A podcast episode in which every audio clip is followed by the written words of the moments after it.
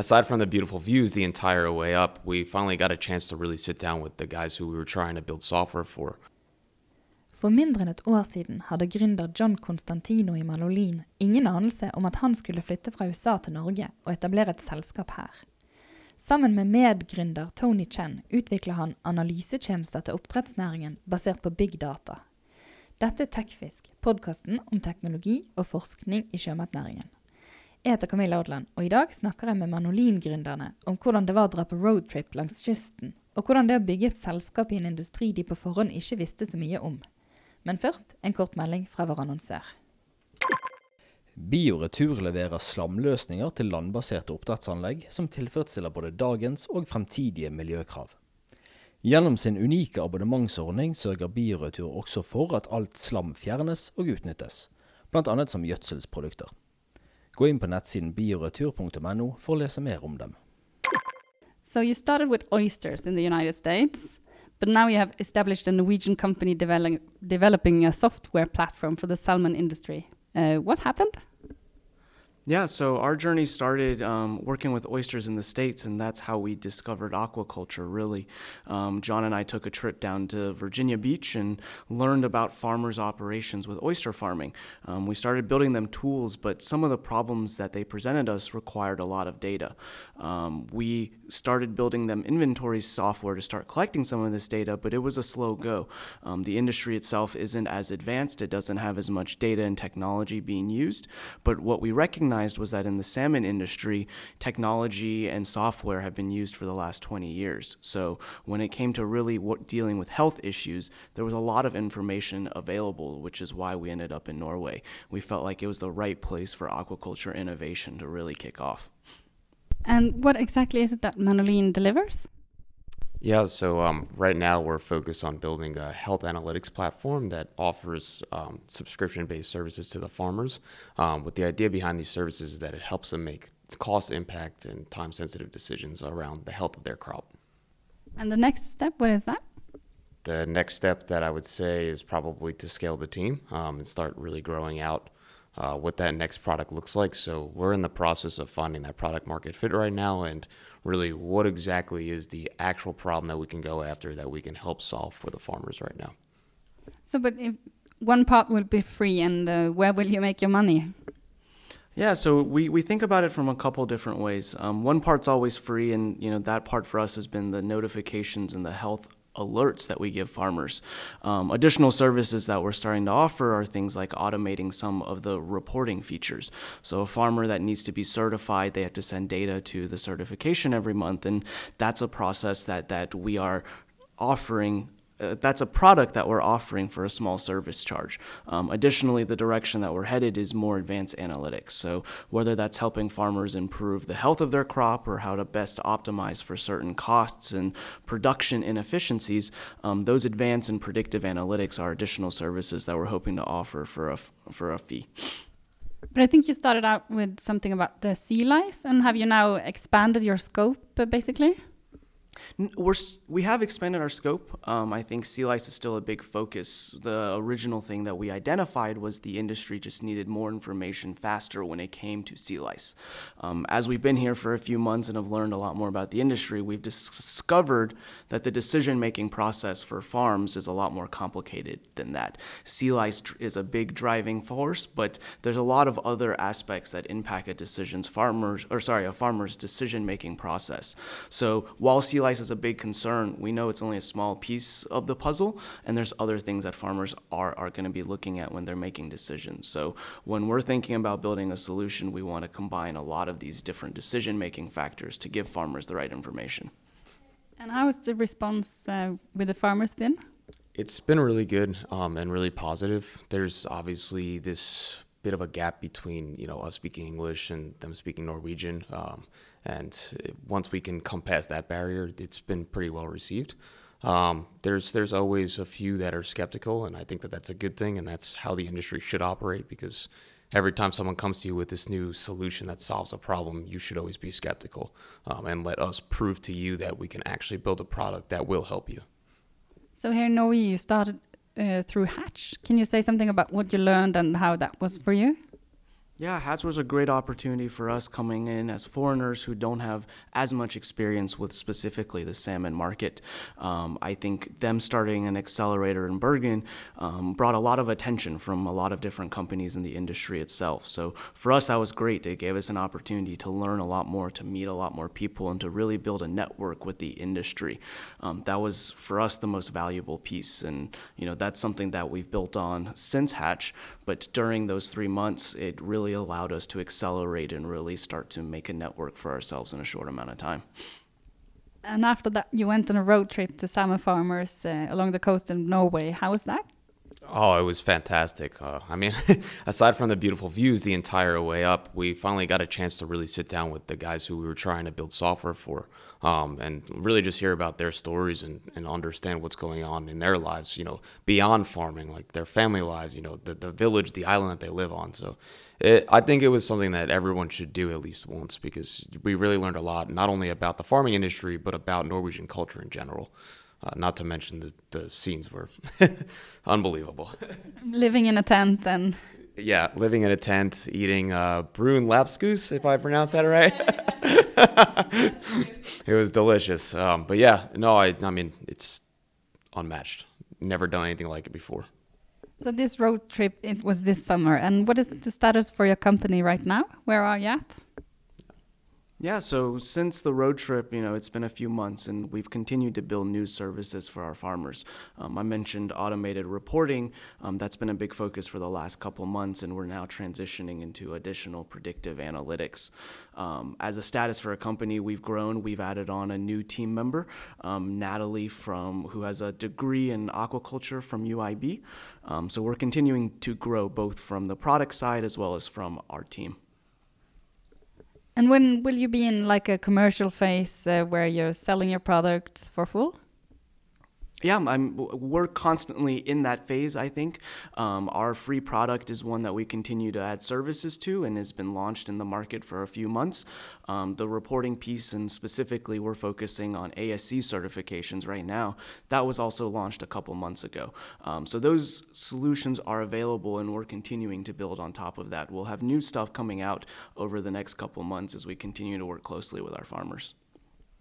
And right now, I think there's like a buzz in the salmon industry with new technology, digitalization, artificial intelligence, and everything like that. Um, do they sem seem ready for a tool like yours?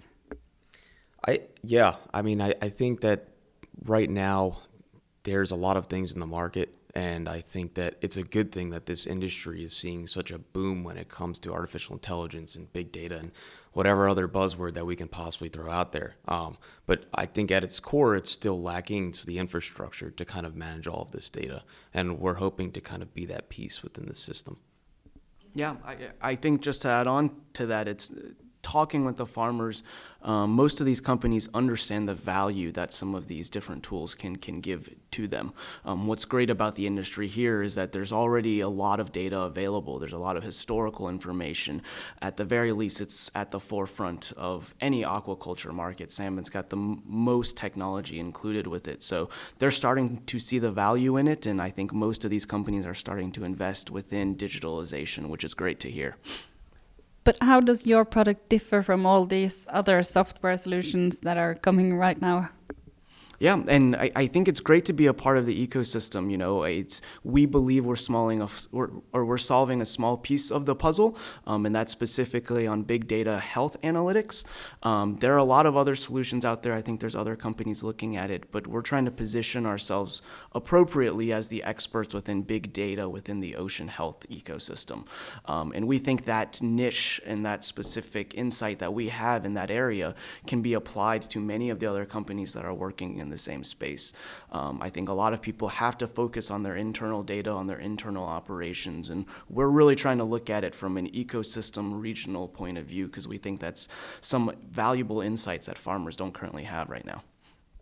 And your co-partner, she started in August, and then she won a large pitching contest in Septem September here in Norway. What does this prize mean to you? Yeah, so the the prize definitely came at a at a good time for us. Um, it was definitely nice to have some additional cash in our pockets right now. Um, it, it allows us to kind of step back and really think about what we're trying to solve. Um, I can say sitting in that audience that I was like a nervous dad uh, watching my child on stage. Um, but she did a great job and it was fantastic. Um, but yeah. Yeah, because it's 300,000 kroner. What will you use the money for? Yeah, it, it's just to extend our runway um, and, and really kind of sit back and think about what needs to happen next. It gives us more time to find that product market fit. Um, we know that at its core, this problem is data. Um, but what does it look like on the screen, on the glass? That's the problem that we're trying to figure out. And by having another 300,000 knock, it gives us that runway to kind of figure out that problem. And speaking about money, you're also chasing investors and trying to get in some more big money. Can you tell me something about that, Tony? Yeah, absolutely. Um, so I, I, think one of the great things from the winning the competition, um, I think for the industry, is that the larger startup ecosystem is starting to pay more attention to the ocean and, and to aquaculture. So we saw it as a big win for the industry in general that people are identifying this as a big issue. Um, when it comes to investment, we think that's going to help our case quite a bit. Um, our goal is to raise a little bit of a funding from both Norwegian investors as well as American investors. Um, so we're right in that process of talking with investors and figuring out what's the best plan forward.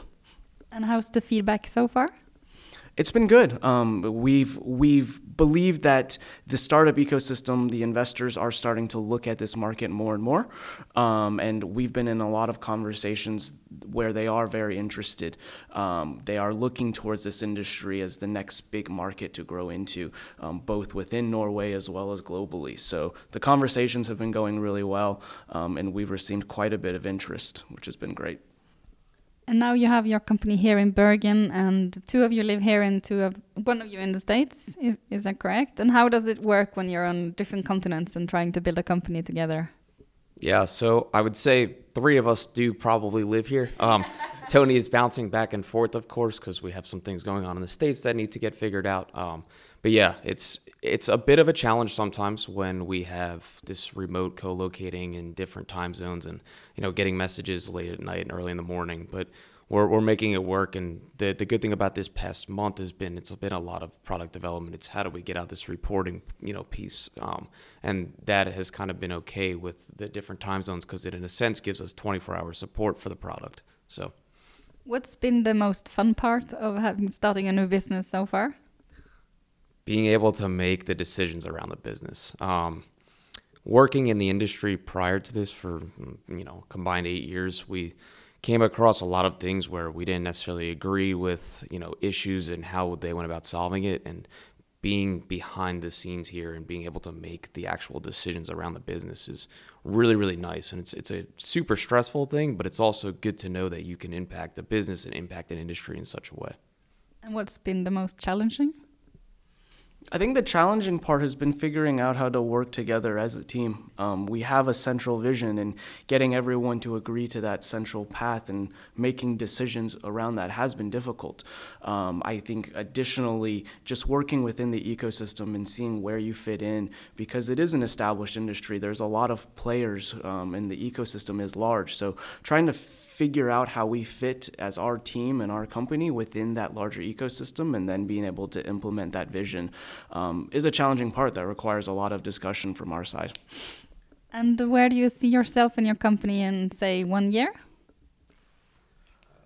It's a tough question to answer just because so much has changed looking back. You know, we've we've only been a company for six months, and um, I think we've changed a lot in those six months. So forecasting the next year is a little bit difficult. But um, in our ideal mind, um, I think we are a much larger company. We have figured out what our larger product looks like um, and how we can really provide value to our customers. Um, I think in one year, we'd love to be in a position that we're able to export some of this Norwegian knowledge to other aquaculture industries. One of the reasons that we came here was because we noticed that there's a right ecosystem, whether it's politics, technology, or the farms being able to invest in the future. And we think that's a much bigger problem that needs to be solved in many other aquaculture markets. So while we are trying to drive as much value as possible into Norwegian aquaculture, we love to also be a part of how does Norway export some of this knowledge into other markets. So in a year, we'd love to be in that spot to be moving this system, moving our product into some other places, um, and really showcasing to the world what Norway is capable of doing.